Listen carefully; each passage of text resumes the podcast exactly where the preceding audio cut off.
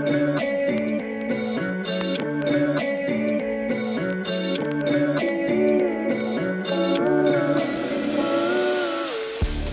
semua. Halo semua, selamat datang di podcast perdana kita Jotaro.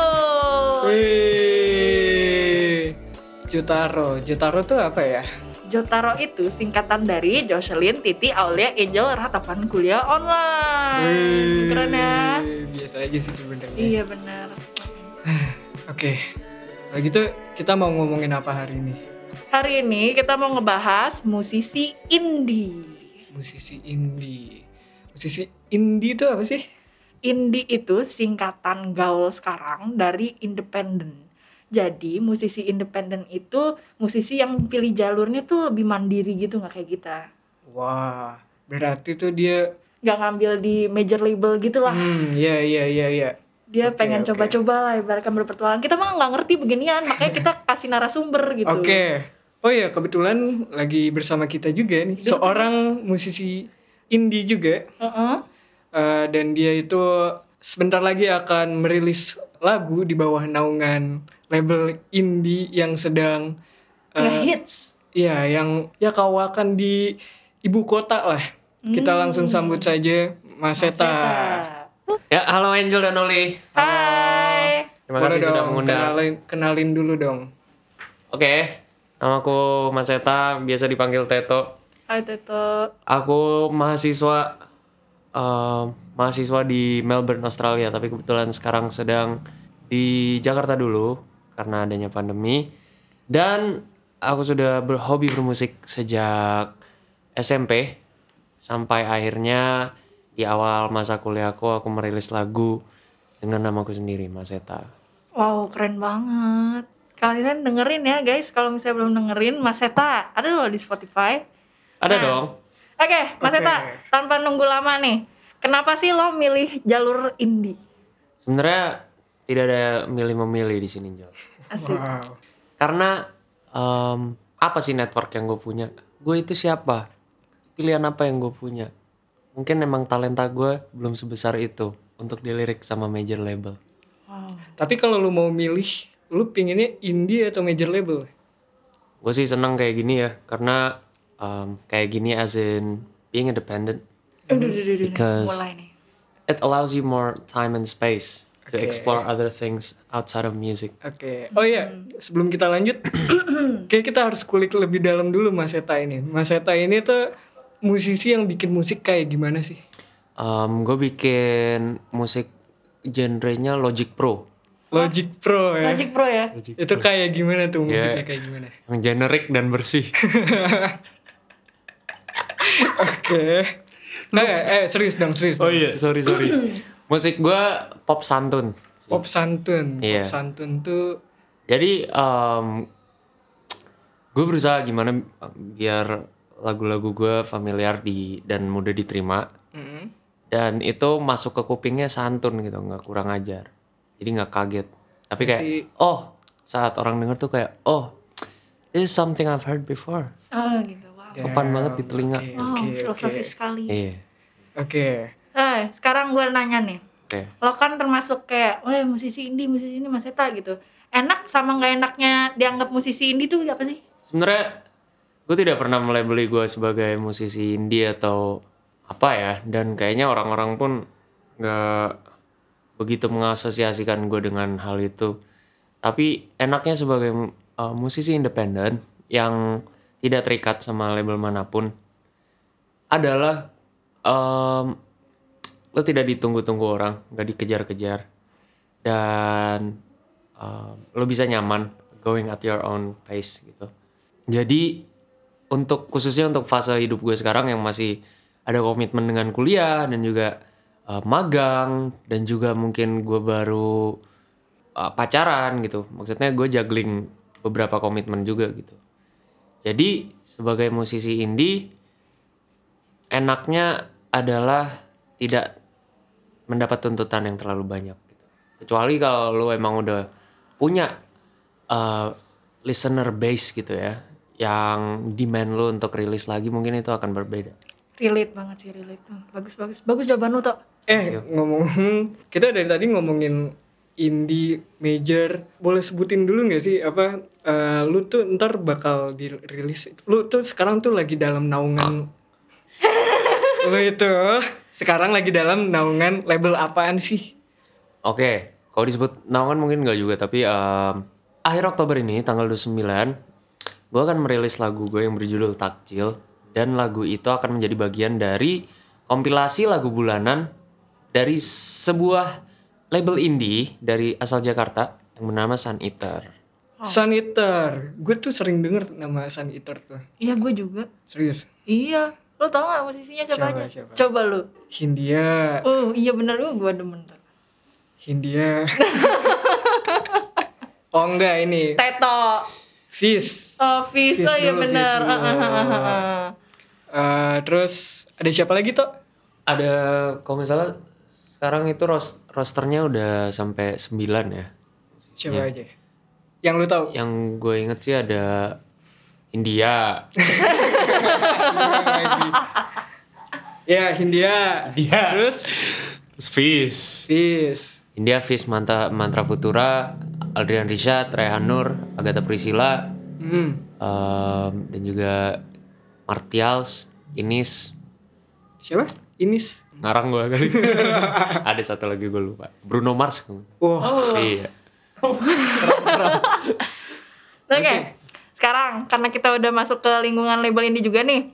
Kan lingkungan di label lo itu gimana sih? Kan kita nggak ada yang tahu nih. Kita tuh outsider gitu. Tolong ceritain dong. Kayak misalnya itu ngaruh juga nggak ke proses nulis lagu lo, bikin lo tambah terinspirasi kah? Atau sebaliknya kayak tertekan gitu nggak?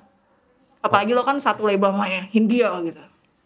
Ini adalah sebuah hal yang sifatnya sementara karena label Saniter mengeluarkan sebuah inisiatif yang bernama Sounds Cute Might Delete Later yang merupakan sebuah kompilasi bulanan gitu loh. Jadi mereka juga mengundang artis-artis yang ad- ada di luar roster mereka untuk ikut merilis lagu yang belum pernah dirilis sebelumnya agar memberikan wadah baru biar si artis em, yang masih di- bisa terbilang kecil ini untuk berkembang dan mendapat exposure ke audiens yang lebih lebar gitu. Oke, jadi dalam kata lain tuh lu itu eh, numpang rilis gitu. Ya benar.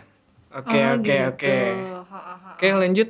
Nah, lo kan numpang rilis nih di label keren itu, apalagi bareng sama Hindia gitu kan. Lo merasa tertekan gak sih di lingkungan itu? Gak sih nggak ada tekanan sih karena gue menganggapnya ini sebagai sebuah new experience saja yang gue gunakan untuk belajar sebanyak-banyaknya dari yang nge-produce juga ada Mas Rehanur dan juga yang recording dan mastering Em, namanya Mas Tama terus dari Baskara juga atau India yang bisa dibilang nge-mentorin gue di lagu ini dan ada dua lagu lainnya yang em, sudah sempat direkam tapi belum dirilis.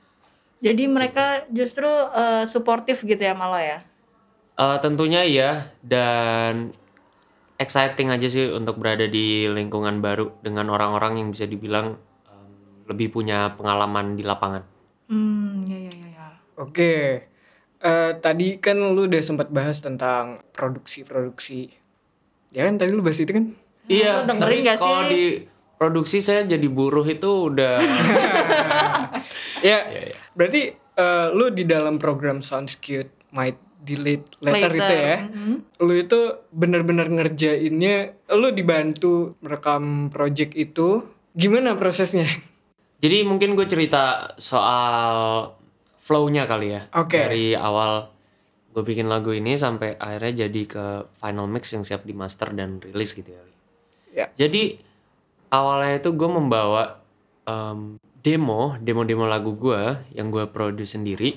Gue membawa itu ke Baskara dan kebetulan ada inisiatif ini yaitu si Sounds Cute ini dan gue ditawarkan untuk mau nggak naro salah satu dari lagu lu ke kompilasi ini dan gue pikir kayaknya yang paling enak nih yang berjudul Takjil ini jadi gue bawa demonya lalu di reproduce sama Rehanur dan di situ dia menambahkan sentuhan-sentuhan kayunya dia Wah. Gitu. Jadi lu bikin lagu itu make perkayuan gitu ya? iya waktu itu kita amplas Nah, Eh, ya ya udahlah. oke Nah, terus kan tadi udah bahas soal produksi. Sekarang kalau masalah pemasarannya gimana? Itu apakah mereka ikutan ngurusin jadi lu santai aja atau lu malah justru numpang doang di situ dan lu tuh harus masarin sendiri? Gitu. Tentunya eh, mereka sudah mempersiapkan beberapa strategi pemasaran untuk tiap rilisannya dan itu adalah strategi yang tiap bulan dilakukan lagi gitu. Jadi udah ada template-nya untuk pemasarannya ada eh, misalnya ngengong siapa sih Tang? apaan tuh? Apaan tuh? Apaan tuh? Misalnya ada kok kok gue lupa ya bentar Santai santai. ya udah Ayo gimana? Dikit lagi oh, toh. tentunya untuk pemasaran mereka akan promosi di sosial media mereka Hmm. yang sudah cukup besar dan juga selain itu ada yang namanya semacam taste test gitu ya Taste test tuh- hearing hearing hearing niji Oh, iya. macam hearing session untuk musisi-musisi yang lebih besar gitu untuk um, Oh, taste test mendengarkan itu ini bukan sih yang ada di YouTube itu yang series? sounds from the corner ya Iya. Ya tapi mungkin bukan itu itu Oh, ntar nanti di dari sanitar dari sanitarnya coba dengar atau apa gitu. Tapi selain itu gue juga pastinya sebagai pemilik lagu gue merasa ada tanggung jawab dari diri gue untuk membuat pemasaran ini sedikit lebih personalized. Jadi berasal dari Mas Eta sendiri. Jadi nanti gue akan pastinya akan menggodok gimana caranya biar lagu gue ini nyampe ke orang-orang yang gue pengen deng- mereka denger gitu. Salah satunya adalah em, kalian tahu paid promote? Tahu dong. Kayaknya gue berpikir untuk menyuntik em, promosi lagu gue ke paid promote di organisasi atau di perkuliahan ini. Biar demografis audiensnya adalah remaja urban remaja. yang seumuran dengan gue. Oke, oke, oke, oke. Nah, oke, pertanyaan selanjutnya adalah gimana eh, rencana lu ke depan? Lu itu ada lagu-lagu baru lagi nggak yang bakal lu bikin? Dan apakah itu sama si label Sun Eater ini juga? Tentunya ada ada ba- eh, beberapa lagu, mungkin 10 11 yang sebenarnya album material ya. Dan itu sih gue planning untuk ngegodok itu, tapi belum kebayang timelinenya seperti apa. Dan kalau lo nanya ini bakal sama Sanitra atau enggak, gue nggak bisa jawab itu ya, karena itu confidential. Eh bukan, maksudnya Masalah to be sensitif. announced, to be discussed. Nah, Jadi lo nggak nunggu dulu nih, nggak tes ombak kayak, wah ini ngebum nggak, ini enggak nggak, gitu. Oh, tentu gue bakal ngeliat dari resepsi audiens dengan lagu takjil ini dan dari situ kita lihat next actionnya apa. Oke. Terus sekarang kita eh, ngomongin yang rada luas juga nih ya. Kayak misalnya. Apa tuh? Samudra. Eh, iya Hindia. benar. Hindia lagi ya. Oh, iya. ya lanjut. Yo, sekarang lebih general. Kita ngomongin soal General musisi. Zork. Iya, oke. Kita ngomongin soal musisi indie zaman sekarang nih. Ya. Pandangan lo terhadap musisi indie yang lainnya gimana sih? Oh, gue tidak ada pandangan-pandangan pandangan Pertama. Aku Nah, gini gini. Kan banyak nih stereotype kalau musisi indie tuh dulu tuh kayak lebih jorok, gak berkelas sampai Kata siapa anjir? banyak banget sumpah. Kayak banyak tuh musisi ini dianggap rendah oleh seperti label-label major yang yang kita tahu sekarang lah. Pokoknya kelasnya tuh dianggap berbeda gitu. Hmm, atau mungkin karena ibaratkan mandiri gitu ya ngeluarin dikitnya ngeluarin duitnya lebih dikit gitu. Pandangan lo terhadap itu gimana? Gimana tuh? ya mungkin stereotip-stereotip yang lu sebut barusan itu eh, bermunculan karena musisi indie tidak mendapatkan eh, exposure media yang sebesar musisi major label gitu ya yang selalu tampil di TV dengan make up yang sempurna. Karena musisi indie ya targetnya pun berbeda. Mereka tidak tampil untuk em, untuk TV-TV besar atau untuk media masif tapi mereka ada di sini untuk bisa dibilang mungkin merilis musik tanpa eh, intervensi dari pihak lain gitu. Jadi maksudnya yang gue pandang sih gue salut sama musisi indie yang bisa membuat karyanya sendiri dan bahkan sampai eh, makin ke sini makin banyak musisi indie yang sudah mengerti soal apa ya namanya aspek-aspek lain di musik apalagi saat perilisannya di mana mereka juga mikirin banget soal marketingnya dan juga showcase-nya pokoknya top lah dalam hal concepting di luar musiknya. Setuju. Tepuk tangan untuk Teto. Mantap mantap. Ya udah, kan lu sekarang udah udah musisi yang yang lagi naik daun nih, bisa dibilang ya. Enggak sih. Enggak juga. ya belum lah, ntar tunggu tunggu lagunya dirilis baru ya. Lu punya tips gak sih buat musisi-musisi yang baru awal mulai ini gimana sih cara mereka bisa berkembang gitu dalam jalur yang lu ambil ini sebagai Oke. jalur indie. Gue saranin kalau lo mau jadi musisi indie, lu coba belajar skill-skill lain yang membuat lu beneran mendapatkan duit ya. Seperti Microsoft Excel, lu bisa juga um, un- belajar coding Python, C++, Apa nih, apa nih, apa agar lu bisa mendapatkan penghasilan yang terjamin dulu Oh. biar hal itu bisa memodali lu Plan B untuk gitu. bermusik di luar kerjaan hingga saat musik lu sudah diterima em, lu sudah siap terjun dengan safety net yang terjamin Bagus. Jadi ya. lo nggak nggak menyarankan mereka untuk langsung terjun aja gitu, Eh, without safety nets. Mungkin kalau lo berasal dari keluarga yang berada lo dan suportif, lo boleh mencoba hal itu. Tapi kalau tidak ada jaminan apa pun dan tidak ada resepsi yang bagus dari teman-teman atau dari pendengar yang mem- mengatakan musik lo bagus, mendingan lo kerja dulu deh yang bener. lu Lo orangnya kedengarannya cukup kayak nyakap gue ya? cukup realistis juga ya. Iya, heeh. Tentunya karena kita tinggal di Jakarta, kota yang keras. Keras, Wow. Jakarta keras. Mm-mm. Oke, Berarti bagus juga nih buat pertanyaan terakhir nih. apa tuh? Gimana buat kalau orang yang udah nyoba terus gagal? Tuh pesan kesan lo untuk mereka ya Apakah apa? harus udahlah nyerah aja atau gimana? Jangan pernah mencoba lagi. Lo lo lo lo lo. lo. Gitu. Lah, suka-suka saya dong. Sekian podcastnya terima kasih. Eh enggak ini serius. nih. oh, enggak. Beneran, Pak. Enggak, lu, lu ini serius tapi. Hah? Tapi Ini lo ini, serius? serius. Jangan mencoba lagi. Sekali Gini, sekali gini, lu gagal, jangan coba lagi. Eh, mencoba lagi saat lo sudah tahu di mana lo berbuat salah atau kurang perform di saat yang terakhir. Jadi maksudnya Jadi pastikan kalau lo sudah siap untuk mencoba lagi. Ah, Oke. Jangan mengulang kesalahan yang sama. Oke. Oke, Siapa pokoknya jadi pokoknya intinya belajar dari Kesalahan. kesalahan. Oke. Oke, Thank you banget ya, Tok.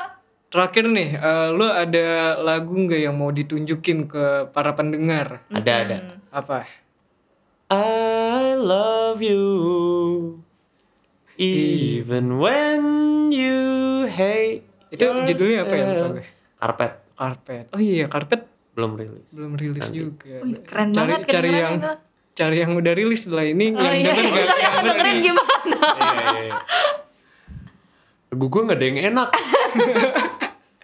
Yang itu aja tuh apa tuh namanya? To sum it up, Nah, itu apa tuh? Pink checkered ya? Eh, bukan. I've poured it all. Itu judulnya Splendid.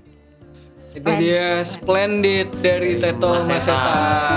Dengerin ya, guys. Thank you.